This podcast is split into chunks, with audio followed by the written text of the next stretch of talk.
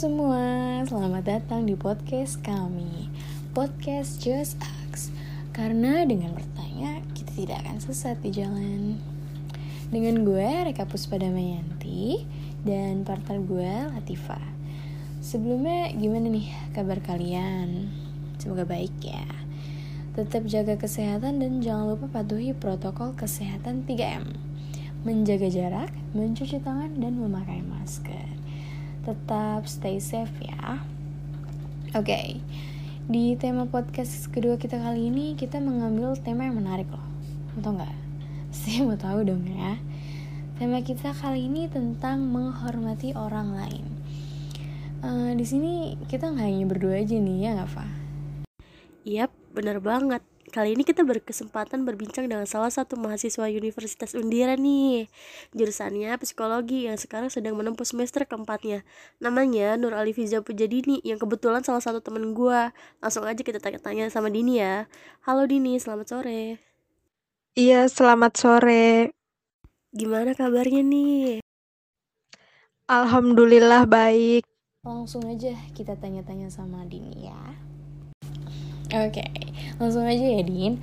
Untuk tema kita kali ini, kita akan ngebahas tentang menghormati orang lain. Gimana penerapannya dan mungkin solusi dari beberapa masalah yang sering terjadi di kehidupan kita. Nah, menurut Dini sendiri, menghormati orang lain itu seperti apa? Menghormati orang lain itu berarti menghargai waktu dan privasi orang lain. Nah, menghormati orang lain itu bisa dilakukan dengan menempatkan diri di posisi orang lain itu dan uh, menunjukkan kepedulian terhadap sesama. Contohnya yang pertama, tunggulah giliran saat uh, sedang mengantri. Jangan nyelak antrian atau menyerobot uh, menerobos kendaraan di jalan raya kecuali kalau misalkan dalam keadaan darurat. Misalkan kalau misal e, misalkan kita harus ke rumah sakit cepet-cepet gitu kan. Nah itu kan harus e, darurat banget. Jadi mau nggak mau terpaksa kita harus apa e, menerobos kendaraan lain gitu Nah, terus orang-orang yang sedang baris itu juga harus dihormati, e, maksudnya orang yang di depan kita gitu, terutama yang lebih tua. Hormati orang di depan kita, jangan diselak karena dia itu udah susah payah mendapatkan giliran lebih sedikit lebih dulu. E, maksudnya dia itu udah susah payah mendapatkan giliran sedikit lebih dulu daripada kita gitu. Nah, e, setelah itu ada jangan berbicara keras-keras di tempat umum. Kenapa? Uh, apa namanya uh, karena yang pertama itu mengganggu uh, konsentrasi orang lain gitu. Contohnya misalkan kita lagi di bioskop kan. Nah di bioskop tuh kan udah ada tuh ditulis jangan berbicara gitu kan. Uh, nah berarti apa tugas kita itu harus menghormati yang harus menghormati peraturan itu dan harus menghormati orang lain Nah, berarti maksudnya itu kayak jangan berbicara jika lampu bioskop sudah dimatikan. Terus contoh lainnya e, kalau misalkan lagi di area publik yang tertutup, jangan bertelepon di sana. Misalkan di dalam kafe, di dalam pasar atau di dalam di dalam restoran. Nah, jadi kita harus melakukan percakapan itu di luar ruangan. Kita keluar toko itu, terus kita melakukan percakapan melalui telepon tuh nggak apa-apa gitu. Nah, yang terakhir, yang ketiga itu kita harus menaati peraturan yang memastikan suasana itu tetap aman dan menyenangkan. Jika ada larangan makan diminum di tempat tertentu, kita itu harus menaati peraturan tersebut. Saat membaca peringatan, misalkan dilarang memberi uh, contoh ya. Contoh dilarang memberi makan untuk hewan kalau kita lagi di kebun binatang. Atau gunakan komputer umum maksimal 30 menit. Kalau misalkan uh, kita lagi di ruang komputer atau misalkan kita lagi ke warnet gitu kan. Nah terapkan ketentuan tersebut agar suasana tetap nyaman. Kita juga harus menghormati serta menghargai yang buat peraturannya Oke, okay, karakter seperti itu seharusnya diterapkan sejak kapan, Din? Nah, kalau karakter karakter seperti itu seharusnya diterapkan sejak kecil. Kalau menurut aku ya, diterapkan sejak kecil di mana kemampuan mengingat kita itu mulai tinggi. Biasanya keluarga lah yang mengajarkan kita untuk menghormati orang lain. Misalnya eh, kita nggak boleh menyisakan makanan gitu, karena orang tua kita kan udah susah payah buat uh, masakan itu gitu. Nah, kalau misalkan gak kita sisain kan lama-kelamaan akan membentuk kebiasaan sehingga terjadilah karakter bahwa kita harus menghormati orang lain baik dari segi dilarang menyisakan makanan atau yang lainnya. Oke, jadi hmm, lingkungan keluarga sangat berpengaruh terhadap kita nantinya ya? Uh, kalau pengaruh ya lingkungan keluarga itu pasti sangat berpengaruh sama sikap kita gitu uh, karena jika kita hidup di keluarga yang buruk maka kemungkinan besar perilaku kita itu buruk juga. Begitupun dengan kehidupan keluarga yang baik uh, maka perilaku kita akan mengikuti bagaimana keluarga kita bertindak kan? Nah tapi nggak uh, menutup kemungkinan juga kalau perilaku kita itu menjadi baik bila hidup di lingkungan keluarga yang baik. Karena pola pikir manusia yang sebenarnya itu benar-benar susah banget ditebak. Bisa aja dia terpengaruh oleh faktor lingkungan yang lain. Contohnya tuh yang lagi banyak sekarang apalagi kan sekarang lagi uh, maraknya virus kan ya. Nah terus orang tuh lebih banyak di rumah dan main sosial media. Pas itu uh, bisa aja perilaku dia tuh berubah karena sosial media gitu. Nah, terus kan uh, sekarang kan banyak gitu orang yang di luarnya baik tapi ternyata perilakunya nggak nggak sebaik itu gitu. Nah, itu kan bisa aja uh, ada faktor lain yang di luar dari lingkungan keluarga gitu. Meskipun dia dari lingkungan keluarga yang baik, tapi kalau misalkan dia udah terpengaruh sama faktor-faktor lingkungan lain yang lebih buruk, maka kemungkinan dia akan mengikuti faktor yang buruk itu gitu tergantung dia bisa mengelola dirinya sendiri atau enggak juga. Tapi Din, ada beberapa orang yang bilang, buat apa sih dihormati dan menghormati? Emang penting banget ya? Menurut Dini, penting gak sih? Uh, kalau menurut aku itu penting dong, sangat penting kan. Menghormati dan dihormati itu sangat penting uh, buat diri kita gitu. Karena menghormati, menghargai atau menghargai adalah salah satu bentuk tata krama yang harus dimiliki setiap manusia. Karena manusia itu adalah makhluk sosial. Kita itu hidup saling membantu dan saling berinteraksi. Timbal balik dari perilaku sosial itu adalah dengan cara menghormati orang lain. Contohnya, misalkan kita lagi berinteraksi nih sama kakak kita atau adik kita atau saudara kandung kita kan untuk minta diantar minta dianterin ke sekolah gitu atau tempat les kan.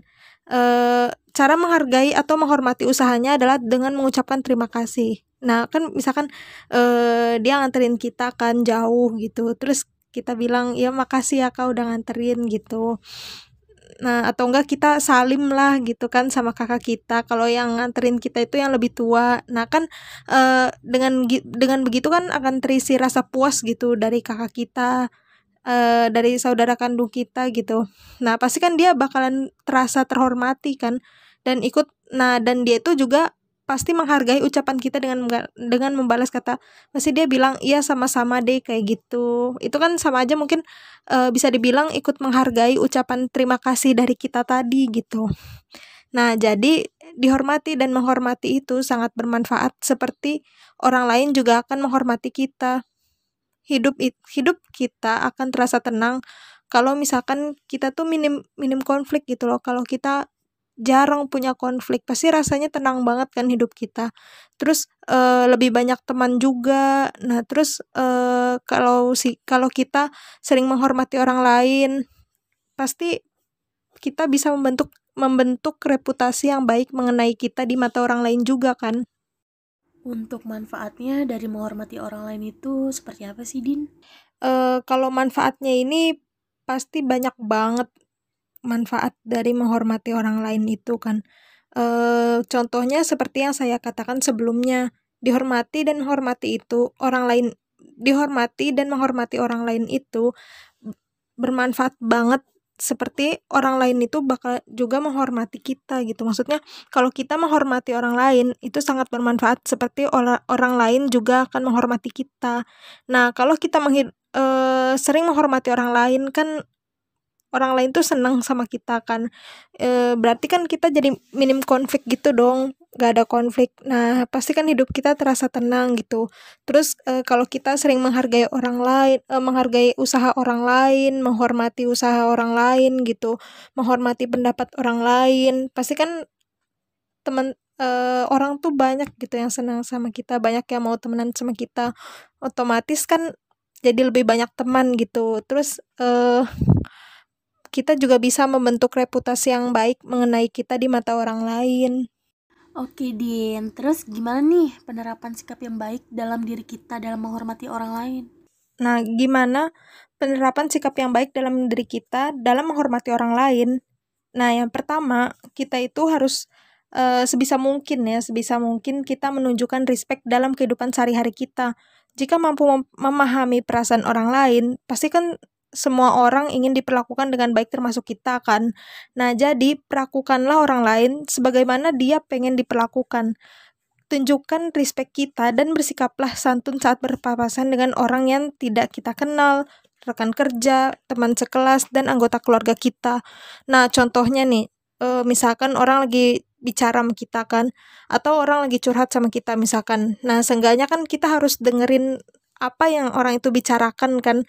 Nah, respect dari kitanya itu adalah memberi solusi yang baik untuk orang itu, memberi jalan keluar untuk orang itu, memberikan jawaban kalau misalkan orang itu berbicara yang cenderungnya itu ke pertanyaan gitu.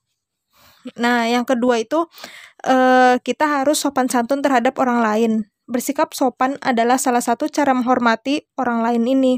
Nah, jika semua orang boleh bersikap seenaknya, pastikan kehidupan sehari-hari kita bakalan kacau banget. Baik kehidupan sehari-hari kita atau kehidupan sehari-hari orang lain gitu kan. Nah, misalnya kalau misalkan lagi makan di restoran atau ngantri di kasir atau menghadapi kemacetan lalu lintas, kita itu harus sopan santun sama orang lain. Jangan seenaknya aja gitu kan. Atau misalkan kita lagi eh uh, apa namanya? Uh, atau kita tuh jangan menunjuk sesuatu dengan tangan kiri, terutama sama orang yang lebih tua, itu benar-benar nggak sopan banget kan, pasti nggak sopan banget. Pokoknya jangan sekali-kali nunjuk sesuatu pakai tangan kiri, karena itu tidak diperbolehkan di negara ini. Nah, yang ketiga, jangan mendiskriminasikan orang lain. Hormatilah semua orang, bukan hanya orang yang Anda kenal atau statusnya lebih tinggi ada orang-orang yang menunjukkan respect untuk memberikan kesan baik terhadap orang tertentu, tetapi bersikap kasar kepada orang lain gitu. Nah, ingatlah pepatah yang mengungkapkan kebenaran. Karakter seseorang itu terlihat dari perilakunya terhadap orang-orang yang tidak mampu memberikan bantuan atau melakukan sesuatu untuknya. Nah, maka bersikaplah baik kepada semua orang tanpa memandang jabatan, penampilan, dan hubungan mereka sama kita. Nah, yang keempat, eh, kita harus menghormati orang yang berbeda keyakinan dan pendapat. Kita harus tunjukin respect kepada orang-orang yang memiliki opini berbeda gitu. Bahkan bertolak belakang juga. Perbedaan membuat perbedaan itu membuat hidup lebih dinamis dan mungkin saja tercapai kesepakatan yang belum terpikirkan se sampai sekarang ini kan. Meskipun kita nggak paham sama perspektifnya, tetap berbicara dengan sopan dan bersikap santun. Kita nggak perlu berteman sama semua orang yang ditemui dan perbedaan pendapat adalah hal yang biasa kan. Tapi pastikan kita untuk selalu menunjukkan respect kepada siapa pun meskipun ada perbedaan baik budaya, keyakinan religi religius atau pandangan politik. Oh ya, Din, menurut Dini ada nggak sih perbedaan cara bersikap dalam menghormati orang yang lebih tua dengan yang seumuran atau bahkan yang di bawah kita umurnya? Pastinya ada, pastinya. Uh, kalau sama orang yang lebih tua itu kan harus lebih rendah hati dan lebih sabar lagi. Dahulukan yang lebih tua atau kita harus memprioritaskan yang lebih tua terlebih dahulu adalah salah satu bentuk hormat terhadap orang yang lebih tua. Contohnya, uh, kalau misalkan lagi ada di dalam kereta api, kita itu kan harus memprioritaskan yang lebih tua untuk duduk di bangku kereta kan. Nah, misalkan nih kita kita di dalam kereta api, terus kita udah dapet tempat duduk gitu kan. Nah, terus tiba-tiba ada uh, bapak-bapak gitu yang capek lah habis pulang kerja gitu atau bapak-bapak yang udah berumur kan misalkan dia dateng gitu terus sedangkan bangkunya udah penuh. Nah, cara gimana nih uh, respect kita terhadap orang yang lebih tua tersebut gitu. Nah, caranya kan kita berdiri kan, pasti berdiri terus kita mempersilahkan Bapak itu untuk duduk di bangku yang kita dudukin tadi gitu kan. Nah, jadi uh, bukan bukan cuma di bangku prioritas saja buat orang yang lebih tua atau yang lainnya gitu melainkan bangku umum juga harus diprioritaskan untuk yang lebih tua gitu nah kalau sama teman sebaya itu pasti beda lagi kan kalau misalkan kita lagi diskusi nih misalnya nah kita kan harus menghormati pendapat teman kita kan meskipun uh, pendapat dia tuh bersifat kontra gitu. Misalkan uh, pendapat pendapat dia nih nggak sesuai sama pendapat diri kita gitu. Nah kita itu harus tetap menghormati pendapat orang itu. Nah terus ada lagi kalau misalkan temen lagi eh temen bantuin kita kan tapi nggak nggak totalitas gitu kan misalkan dia nggak bisa membantu semuanya dia cuma bisa bantu seadanya sama kita gitu. Nah itu tuh juga harus dihormati gitu. Seenggaknya bilang terima kasih atau ya begitulah. Nah terus beda lagi sama yang lebih muda umurnya. Sebenarnya sama sih sama teman sebaya cuman kalau yang lebih muda kan kadang orang yang lebih muda tuh eh gimana ya belum semengerti kita gitu. Dia belum sedewasa kita gitu. Jadi hormati aja kalau emang dia tuh belum ngerti belum paham hargai aja gitu kan Nah oke, okay. tadi kan cara menghormati orang lain Nah gimana sih kalau menghormati diri sendiri perlu atau enggak menurut ini? Caranya adalah dengan cara bertekad sebisa mungkin untuk mematuhi norma dan menjadikan norma sebagai kewajiban yang paling wajib dalam diri kita. Kita harus menjadikan norma norma itu kan ada lima ya setahu aku e, nah jadikanlah norma itu kewajiban yang paling wajib dalam diri kita karena e, bisa dibilang sebagai pedoman hidup kita gitu nah termasuk menghormati atau menghargai orang lain baik yang lebih tua sebaya atau yang lebih muda Oke nih, kalau misalnya kita udah menghormatin orang lain, tapi nggak ada feedback ya nih, atau timbal balik dari orang yang udah kita hormati gitu, menurut ini gimana? Kalau misalkan nggak ada feedbacknya ya eh, nggak uh, apa-apa sih. Selagi bisa tegur tapi kita tegur aja gitu. Tapi dengan cara yang baik. Jangan sampai orang itu sakit hati gitu kan. Karena teguran kita yang terlalu menyalahkan terus terlalu menuntut Oke, kalau boleh tanya, untuk diri sendiri, pernah nggak sih merasa tidak dihormati oleh orang lain? Terus bagaimana Dini menanggapi hal tersebut? Karena kalau buat gue sendiri, pernah ada sedikit kesel. Tapi karena gue orang cuek, jadi ya udah biarin aja gitu. Yang penting kan gue udah ngelakuin hal yang bener ya kan? Menurut lo gimana Din? Uh, kalau emang orang itu bukan orang yang kita kenal ya nggak apa-apa juga sih kalau mau cuek. Tapi kalau sama orang yang terdekat juga nggak apa-apa sih kalau mau cuek tapi kalau emang orang itu udah kelewatan banget baru sebisa mungkin kan uh, kita tegur gitu. Karena hal itu udah terja udah jadi tugas kita sebagai manusia yang saling mengingatkan. Nah uh, sebisa mungkin tuh uh, kita kan ngingetin dia supaya dia tuh berubah. Nah tapi jangan kelewatan juga dari kitanya ngingetinnya. Jangan terlalu memaksakan juga uh, kalau emang orang itu bukan orang yang kita kenal ya nggak apa-apa juga sih kalau mau cuek. Tapi kalau sama orang yang terdekat juga nggak apa-apa sih kalau mau cuek. Tapi kalau emang orang itu udah kelewatan banget baru sebisa mungkin kan uh, kita tegur gitu karena hal itu udah terja udah jadi tugas kita sebagai manusia yang saling mengingatkan. Nah, uh, sebisa mungkin tuh uh, kita kan ngingetin dia supaya dia tuh berubah. Nah, tapi jangan kelewatan juga dari kitanya ngingetinnya, jangan terlalu memaksakan juga. Kalau sebaliknya gimana nih? Misal orang lain yang udah menghormati kita, tapi tanpa sadar ataupun gak sadar ternyata sikap kita tidak menghormati orang lain tersebut. Kalau misalkan kita nggak sadar kan, pasti kan butuh waktu ya buat inget perilaku kita yang nggak uh, menghormati itu. Tapi kalau emang udah inget, lebih baik introspeksi diri dan minta maaf kalau emang gak sopan gitu kan kepada yang kita kenal. Tapi kalau misalkan gengsi ya cukup dengan introspeksi diri aja sih, jangan sampai terulang lagi. Terus eh begitupun kalau misalkan kita udah sadar gitu. Kalau misalkan awalnya kita nggak sadar kan, terus tiba-tiba kita sadar gitu. Nah, introspeksi diri aja. Nah, terus jangan lupa minta maaf juga sama Tuhan karena kan eh kalau nggak sopan nggak tahu sih dosa atau enggak. Hmm, oke. Okay. Menurut Dini sikap saling menghargai itu seperti apa?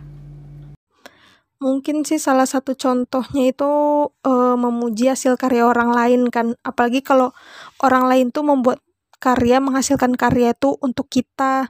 Nah, itu kan harus dihargai kan. Nah, contohnya tuh kayak uh, dia tuh udah susah payah bantuin tugas kita gitu uh, dia yang uh, gimana ya misalkan tugas MTK gitu kan. Nah dia yang nyariin rumusnya dia yang ngasih tahu rumusnya gini gini gini gini gitu. Nah kita kayak kayak tinggal pelajari rumus-rumusnya dia doang gitu. Nah kita kan harus uh, menghargai gimana ya apa yang udah dia buat gitu. Nah kita pujilah dia oh iya rumusnya gini gini gini gini gini gini gitu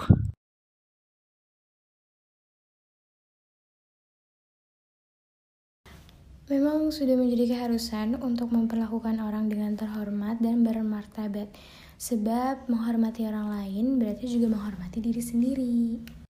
Podcast kita kali ini adalah pengingat besar bagi kita bagaimana memperlakukan orang dengan hormat dan bermartabat. Tidak peduli apa pun keadaan mereka, menghormati mereka itu berarti menghormati diri kita juga loh. Dan untuk kita semua yang mendengarkan, semoga kita mendapatkan ilmu yang bermanfaat dan terima kasih ya sudah mendengarkan. See you next time.